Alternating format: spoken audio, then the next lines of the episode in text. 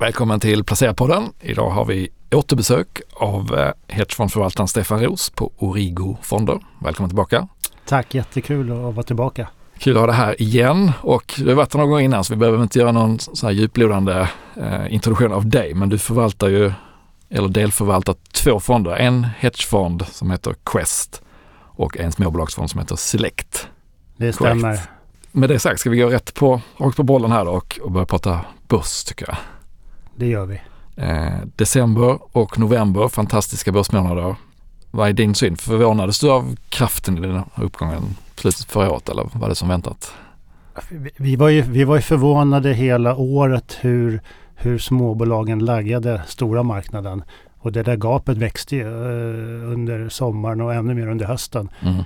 Så att vi, eh, vi, vi stack ut hakan flera gånger och sa att här, den här typen av spread mellan stora och små, det kommer inte eh, liksom hålla utan det måste börja krympa igen. Och, och sen kom allting i, i november, december. Så att, men vi är inte riktigt hemma ännu. Fortfarande värderas småbolagen Mm. långt under large cap. Så att det, det, det är inte slut på den eh, omvärderingen tror jag. Så att Och inte minst för fastighetsbolag blev det här raketbränsle de drog ju en del av småbolagsindex såklart. Men, men eh, även andra småbolagssektorer följde ju med upp. Så att, Mm. Men och om man ska förklara det här så är det väl svårt att inte säga att det är inflations, bättre inflationssiffror och förväntningar om lägre räntor som är huvudförklaringen. Och när vi träffades för, vad kan det ha varit nu, två, två och ett halvt år sedan så minns jag tydligt att du var en av dem som ganska tidigt eh, tog ett bett på att den här inflationsuppgången som började komma då inte var transitory som alla började prata om då utan att ni ställer om lite för att det skulle kunna vara en period med högre inflation. Hur ser du, om man då vänder på det, hur ser du på den här nedgången vi har nu? Är den transitory eller är det ett nytt eh, lågränteläge som vilar bakom dörren? Ja, det, det, det, det är ju... Det lite är en enkel fråga. Nej, precis. Det är en svår fråga med hela makroscenariot egentligen. Och recession, inflation. Det, det, det, är- det är en jättefråga som vi jobbar med varje dag. Och, eh, eh, jag- tror att just nu så vi, vi är fortfarande ganska övertygade om att inflationen kommer fortsätta falla.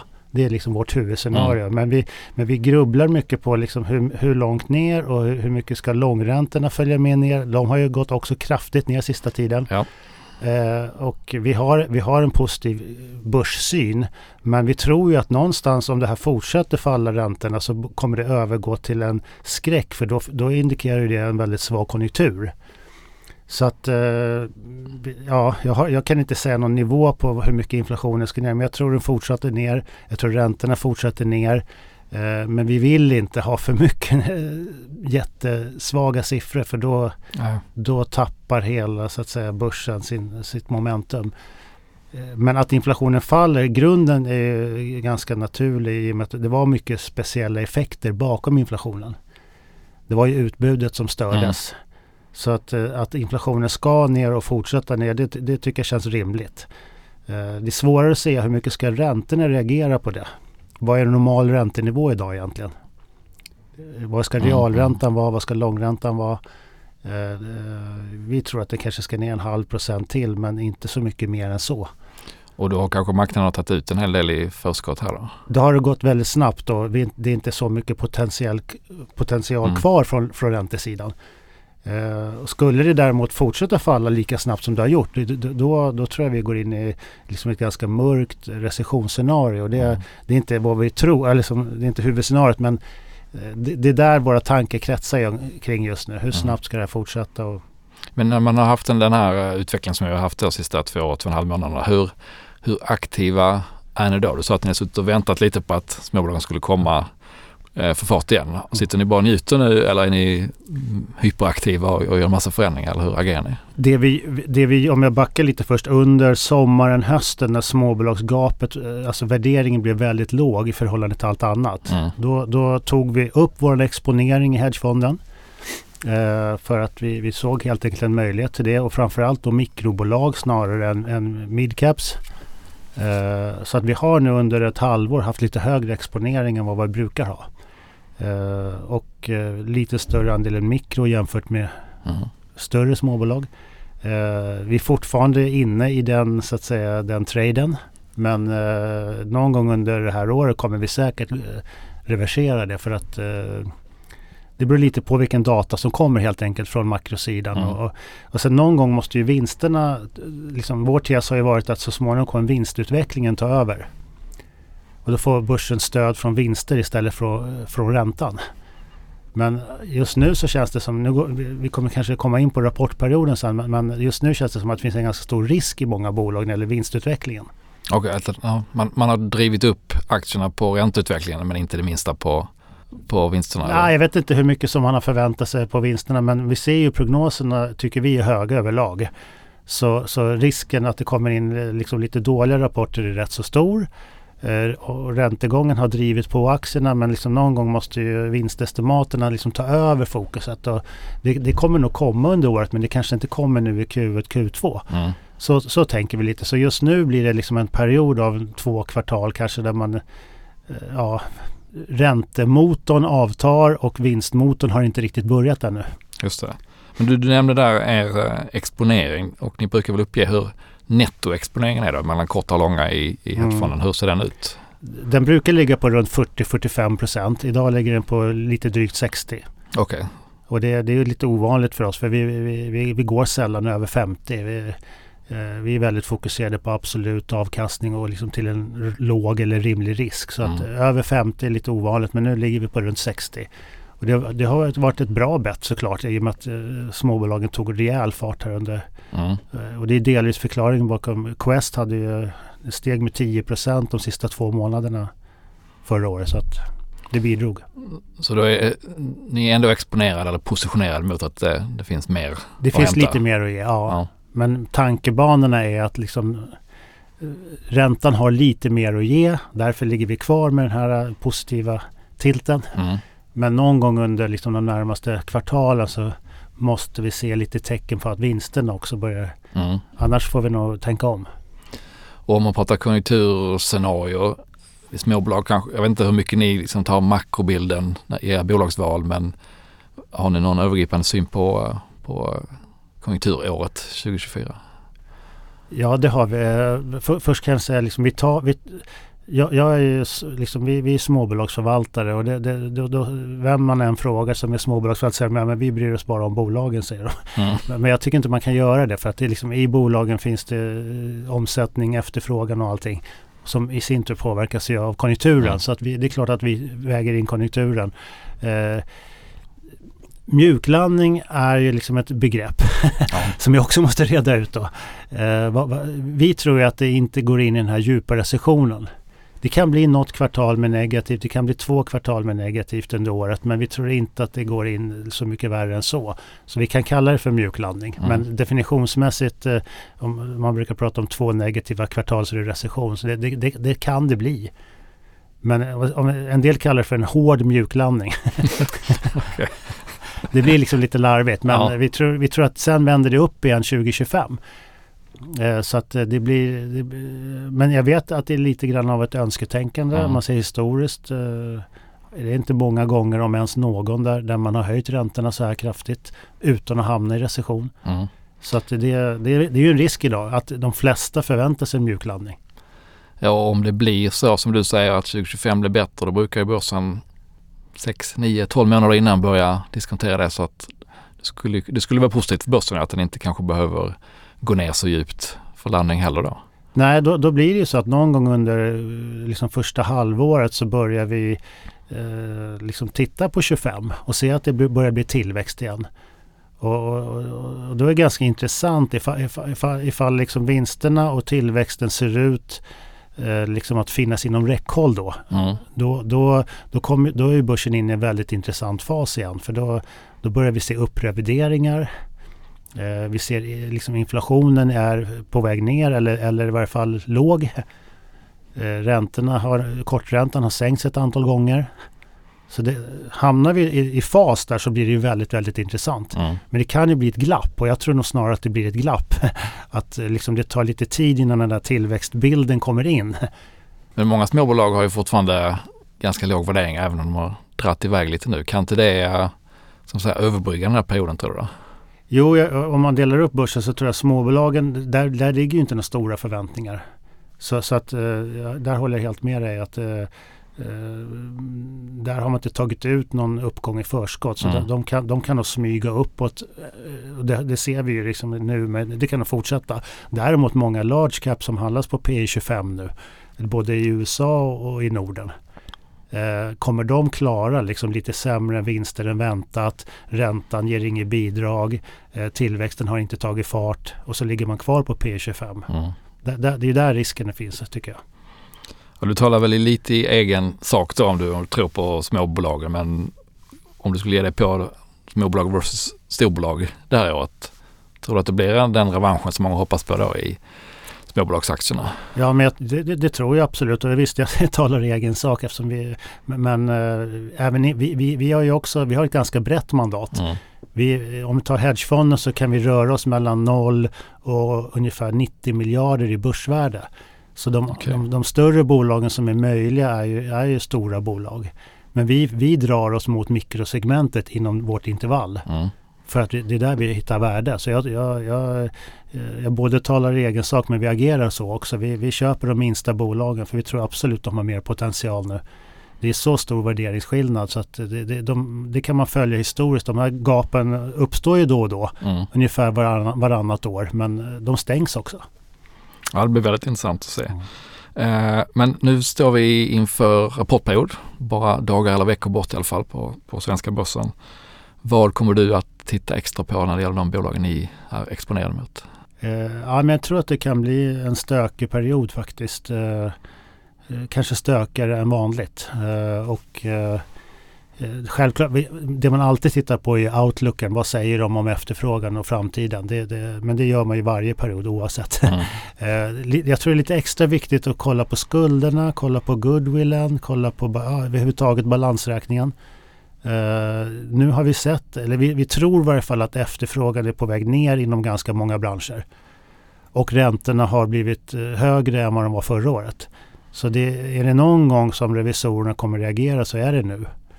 Det har ju varit en evig diskussion där. Hur kan man sitta med, med liksom uppenbart dåliga förvärv utan att ta någon action på goodwill? Just det. det har vi sett gång på gång. Men då har, vi, liksom, då har man kunnat säga att ja, räntorna är lägre och man har, liksom, konjunkturen är rätt okej. Okay men nu är det ju inte så. Mm. Och årsskiftet brukar vara en bra period där man extra bra period för att ta en sån smäll. Så det, det är goodwill-avskrivningar och överhuvudtaget liksom, eh, risker i balansräkningen kommer mm. vi titta extra mycket noga på förutom outlooken. Um, om jag ska hitta på någon, någon mm. enstaka faktor. Uh, sen letar vi allmänt efter, liksom, finns det några strukturella drivare i bolaget? För att nu, nu, när konjunkturen inte ger så mycket draghjälp längre tror jag det är jätteviktigt när man väljer bolag att man, och där får man nästan vara case by case. Mm. Fin, vad är det som driver det här bolaget? Är det, är det 100% konjunkturella drivkrafter eller finns det liksom någon unik produkt och unika liksom tillväxtfaktorer just för det bolaget? Så det, det, kommer vi söka efter också. Det, och vi ser ju en otrolig spread på börsen nu. Clas Olssons siffror senaste halvåret har ju varit fenomenala i en bransch som inte alls går bra. Mm. Ja, och samtidigt Teknikmagasinet kastar in handduken. Exakt. Men, men då uppenbarligen har Clas Ohlson gjort ett fantastiskt jobb med sitt sortiment och hittat rätt mm. produkter, precis vad folk vill ha just nu. Så, så att sådana typer av faktorer kommer vi leta efter också. Mm. Ja men konsument, om jag inte minns fel pratade vi ganska mycket konsumentsituationen förra gången du var här och då hade ni ökat exponeringen tror jag. Hur, hur ser du på ja, hela, alla bolag som är exponerade mot konsument om man tar din vidare fråga. Är, är faran över där att det kanske ja, börjar lätta lite under det här året? Jag, jag, tror, för, för ett år sedan när jag var här och vi pratade, då var det ju då, då, då var det en allmän konsensusbild att konsumentaktier kommer gå rakt ner i källaren. Mm. Och vår syn var ju att det är inte riktigt så utan och, och framförallt inte stockpickingmässigt så kan man hitta bra bolag även där. Och vi lyfte ju fram då några New Wave, uh, Bilia och uh, Thule tror jag det var. Mm. Som, vi, som vi fortfarande äger. Uh, och det är väl egentligen samma syn vi har nu. De, vi, vi, tycker, de, vi tycker det är en typ av bolag som har klarat att rida ut det här ganska bra.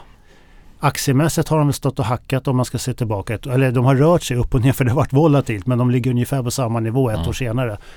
Uh, men, men grundsynen är densamma att uh, leta, le, inte ta hela sektorn utan leta selektivt. Det finns väldigt intressanta bolag där nu som har ovanligt låga värderingar. Mm. Och de jag nämner eh, förra året, de kan jag nämna igen. De har fortfarande väldigt låga värderingar mot vad de, vad de faktiskt presterar.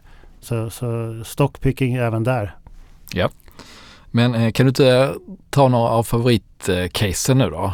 Jag vet att uh, Hansa är ett bolag som ni är förtjusta i.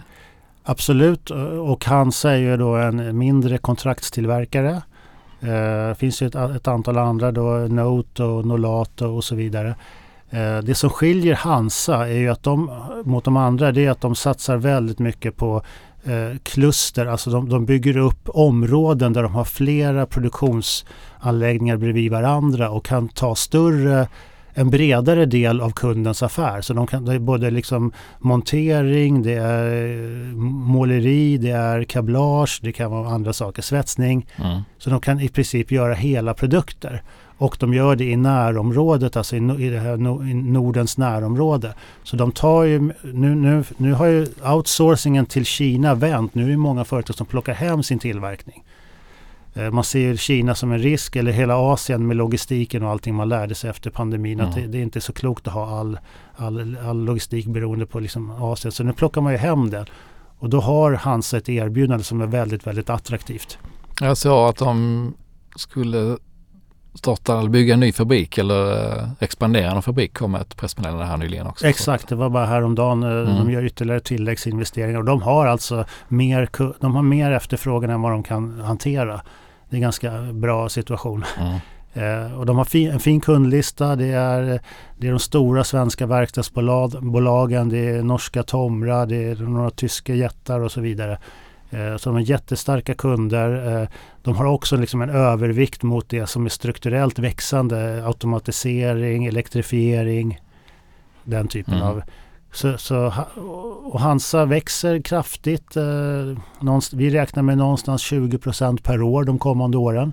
Det är lite lägre än vad de har vuxit men vi vågar inte liksom extrapolera i samma takt. Mm. Men, men de har vuxit ursnabbt. Vi tror det fortsätter.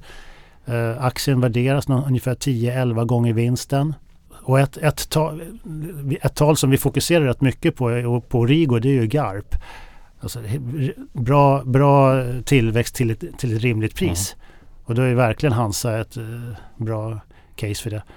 Men nu har de varit heta kontraktstillverkarna ganska länge men en gång i tiden så såg man ju de här, såg man väldigt mycket risker i de här, att de var konjunkturkänsliga och när kunderna drar ner de stora bolagen så är det ju kontraktstillverkarna som man kan på något sätt skicka över risken på mm. för att man inte vill ha tillverkningen själv. Eh, är, är den gamla bilden liksom överspelad eller vad tror du? Nej, jag tror att den där risken, jag, jag var själv med och fick lära mig den hårda vägen. Vi hade eh, i min tidigare förvaltarkarriär så ägde vi mycket kontraktstillverkare. De här, det var, fanns ju ett bolag som hette Perlos i Finland mm. som var en stjärna några mm. år. Men, men de led, en pärla. Vad sa du? En pärla. Ja, en pärla, precis. Uh, men de hade väl 80-90% av intäkterna från Nokia. Ja. Uh, och det slutade inte så bra. Och vi har sett problem eh, till och från Inolat och, och mm. Partnertech och Just andra det. bolag. Så, så, din, din fråga är ju helt rätt. Alltså det, men jag, jag, tycker Hansa sticker ändå ut lite här eh, som bättre bolag än, än generella branschen. De har väldigt diversifierad kundlista bland annat. Och sen det här klustertänkandet att de inte bara gör någon komponent eller något chip eller någonting mm. som vissa andra håller på med. För då kan det vara känsligt om, om den branschen förändras plötsligt så utan de, gör, de, gör en, de har en bredare produktion helt enkelt. Och sen har de lite mer strukturella eh, drivare som jag var inne på. Så riskerna finns men jag tycker de är ja, mm. hanterbara. Och lite offensiva. De gjorde ett förvärv i var det november, december va? De gjorde ett uh, offensivt förvärv, Orbit One. Ett bolag som faktiskt var på väg till börsen. En lönsam kontraktstillverkare. Så att eh, de har redan, eh, vi har ju varit med i två stycken emissioner som Hansa har gjort. Och det, det är väldigt offensiva emissioner. De tar in kapital för att växa ännu snabbare. Mm. Eh, och eh, i samband med de här emissionerna har man ju finansiella mål. Men redan nu har man uppfyllt sitt 2025-mål. Så det, i, i, slutet på förra året så hade man liksom vuxit i kapp 2025-målet. Det tycker jag är ganska imponerande i, i den här miljön där många andra kämpar för att få tillväxt. Så att, eh, nu, nu, nu förväntar vi oss nya finansiella mål vilken dag som helst egentligen. Okay. Spännande. Bra. Eh, någon mer case du lyfta fram på långa sidan? Eh, nej men vi, vi kan prata om Munters som har varit ett kärt eh, Origo-bolag i, i, ett par tre år nu. Eh, när vi tog upp Munters i, i, våra fonder så handlade det mycket om att eh, det, här, det här är inte ett vanligt tungt verkstadsbolag utan det här, det här är, det, det är en väldigt liksom modernt eh, ESG-case egentligen. Mm. Klimatfrämjande produkter. Eh, borde egentligen vara helt rätt men när de kom in på börsen så hade de en massa problem och, och, och så vidare. Men under tiden som har gått så har ju, har ju orderingången ökat. Klimatutrustning efterfrågas mer och mer. Eh, aktien har gått jättebra. Jag tror den är upp eh, 150 procent på två år eller mm. någonting sånt. Men faktum är, tittar man på orderingången och på eh, vinst per aktie så har det mer än väl hängt med aktieuppgången. Så jag tycker liksom den, den, har, den har vuxit i sin värdering. Mm. Eh, och eh, har fortsatt väldigt stark potential. Ja, och de har fått mycket draghjälp av datacenter hypen om man ska säga. Da konkreta order för deras del ju, men ser du någon risk där att, att de, eh, vad ska man säga, att den här Nvidia och höga multiplar på datacenter och, och chipbolag skvätter över så att de blir lite väl dyra? Eller? Det finns ju en sån risk och, och historiskt har ju datacenter varit lite volatilt. Vad, vad, bolaget själva tycker är att de har en mycket sundare strategi. De gick ju på en smäll för några år sedan med mm. datacenter. Mm. Och, eh, men då var, då var det några speciella upplägg och nu, nu är man mer diversifierade. Eh, många fler kunder. Eh, så att eh, ja, risken finns. och, och Eh, men samtidigt är det en fantastisk möjlighet de har här. De är världsledande inom, inom den här torra luften för de här datacentren. Och eh, lyssnar man på vad Microsoft och alla säger så är, ska det ju inte investeras mindre de kommande tio åren. Ja. Så att, eh, det, det, finns ju inte så många intressanta bolag i Sverige eller Norden som har direkt exponering mot det här temat. Munters är ju en av mm. kanske en handfull. Lite Atlas Copco men det är Ja, Atlas har ju lite det också inslag av det, men det här är ännu renare för mm. Munters. Och en annan sak i Munters är att de, sen har de då det här eh, food-området som har varit mindre intressant. Mm. Eh, det var ju stort en gång i tiden för, eh, för Munters men eh, det har presterat lite sämre och, liksom, och det andra har vuxit väldigt starkt och nu är food ganska litet. Och där har man aviserat att det kommer komma någon förändring. Jag tror att man kommer sälja av delar av det och att man kommer behålla det som har ett, det finns en del digitala produkter där i. Då, då blir liksom Munters ännu mer ett digitalt och snedstreck hållbart mm. bolag. Så att, äh, det, Munters är spännande ut trots en bra aktieutveckling. Ja, imponerande resa. Eh, något mer då? Eh, ja, vad ska vi ta? Du, du kanske har sneglat in på något bolag? Ja, men du nämnde när vi eh. pratade innan Catella, att det var ja, ett av era Nej, men vi kan ju prata, eftersom vi pratade räntor förut och räntekänsligt, fastigheter har gått väldigt bra. Men ett, ett bolag som eh, påverkas av det här är ju Catella. Som har en ganska brokig historia. Mm.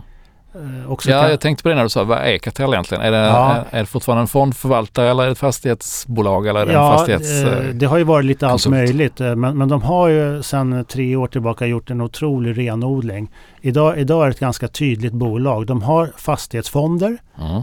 och den businessen, fond, fondverksamheten har varit jättestabil för dem.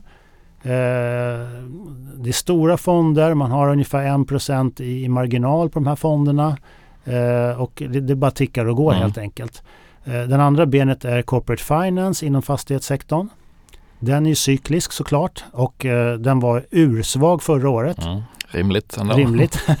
eh, också rimligt att när, fast, när, när, räntorna, när, när scenariot för räntan började ändras i slutet på förra året och fastighetsaktierna började rusa så, kan man, så ser man liksom att fastighetsbolagen får lite mer eh, pondus igen och att transaktionerna kommer komma igång. Mm. Så det är ganska rimligt att tro att Corporate Finance hade sin sämsta år förra året, att det blir bättre framåt. Det är också vad bolaget säger. Mm. Eh, och sen det tredje benet är egna fastighetsinvesteringar. Så där är de ett, ett eget fastighetsutvecklingsbolag. Så det är ganska renodlat idag. Eh, alla tre bitarna tjänar på, på fallande räntor. framförallt då den här egna, den sista benet, den här med egna fastighetsutvecklingen, den, där tror vi att det kan komma positiva överraskningar i år. De har några stora projekt. De är ganska fokuserade. Bland annat ett danskt projekt, Kaktusprojektet heter det, som är i Köpenhamn. Eh, som ett område de har utvecklat och det, det, kommer de ju sälja när, när de får till en bra affär. Eh, och då kommer det frigöras väldigt mycket kapital i Catella. En stor del av, det kan, det kan påverka så att säga hela marknadsvärdet på bolaget. Ja, och sen jag såg i ett alltså månadsbrev att danska bröderna Johansen är väl en, en baby som ni har haft länge. Har ni, Absolut, kvar, och den, eh, den, den, tycker vi fortfarande är superintressant. Vinstvarnade i höstas? Vinstvarnade i höstas, inte helt oväntat för alla sådana här som levererar produkter till byggindustrin hade det ganska kämpigt. Men caset med AOJ är ju att det är ett väldigt digitalt bolag. Eh, de har self-scanning butiker, de har helautomatiserat lager och så vidare. Så att de är liksom bättre än sina konkurrenter hela tiden. Och det, det gäller ju även, även när det gick dåligt i höstas så, så har de en marginal på 6 mm. när, när Bygg Hemma de här förlorar pengar. Så att eh, försprånget har de kvar, de fortsätter ta marknadsandelar. Behovet av, eh, vi tror inte det här med värme pannor och, och liksom hela den trenden håller på att ta slut. Utan vi tror att det där finns kvar. De säljer mycket sånt. Mm. Uh, vatten och avlopp säljer de mycket av. Där finns det ett jätterenoveringsbehov i Europa. Och nu händer det lite saker i branschen också. Om vi zoomar ut lite så har vi sett att till exempel eh, finländarna är på förvärvsagendan där med Kesko, Immonen och eh, det händer mycket kring byggunderleverantörer. Och eh, vi vet att huvudägarna i AOJ är en rätt gammal herre som har gjort det fantastiskt bra men han är eh, det är kanske dags snart att lämna över till på något mm. sätt. Så att det, det, till en rejäl premie förhoppningsvis. Ja. Till en rejäl premie får man Exakt, hoppas. Exakt, så att eh, nej, men vi, det är alltid svårt att peka ut uppköpskandidater men AOJ är definitivt en uppköpskandidat. Mm.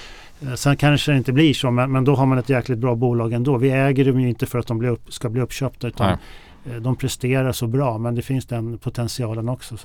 Men hur gör ni i ett sånt läge? De kom med en vinstvarning, om jag minns det rätt, som väl var hyfsat kortsiktigt så här att slutet på året de bit till så tufft ut. Hur agerar ni typiskt då? Ökar ni eller drar ni tillbaka och ser vad som händer? Eller vi har väl smått ökat under hela året egentligen.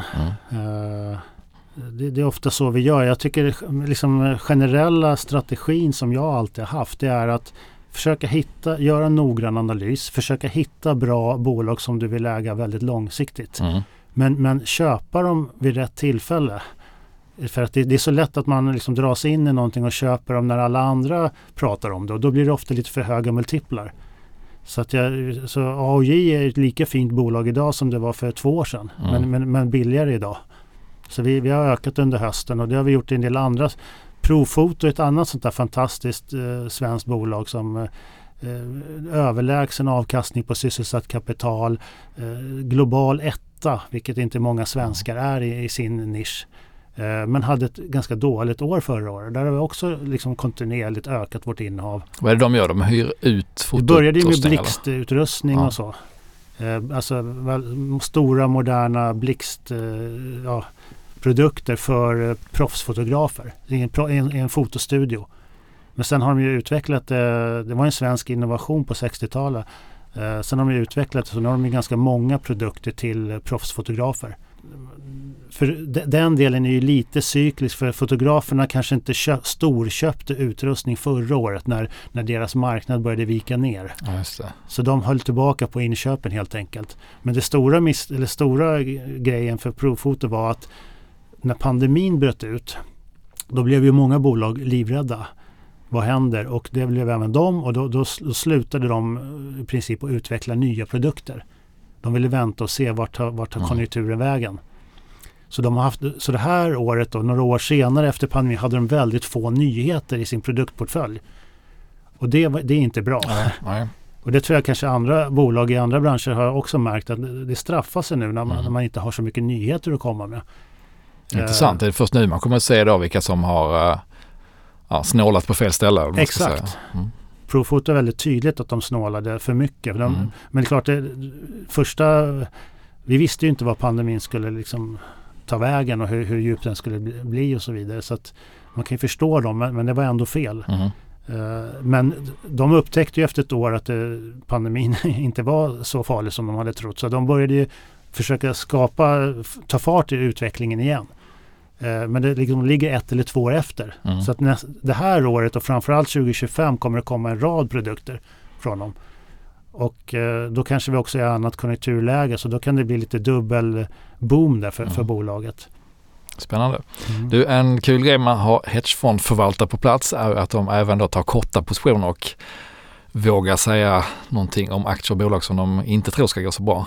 Så då, så då undrar jag helt enkelt vad, vad, vad är ni kort just nu? Ja, eh, nej, men jag tror jag var inne på det för ett år sedan också att eh, råvarusegmentet är vi försiktigt inställda Mm. till och ser, vi ser ganska mycket utmaningar där.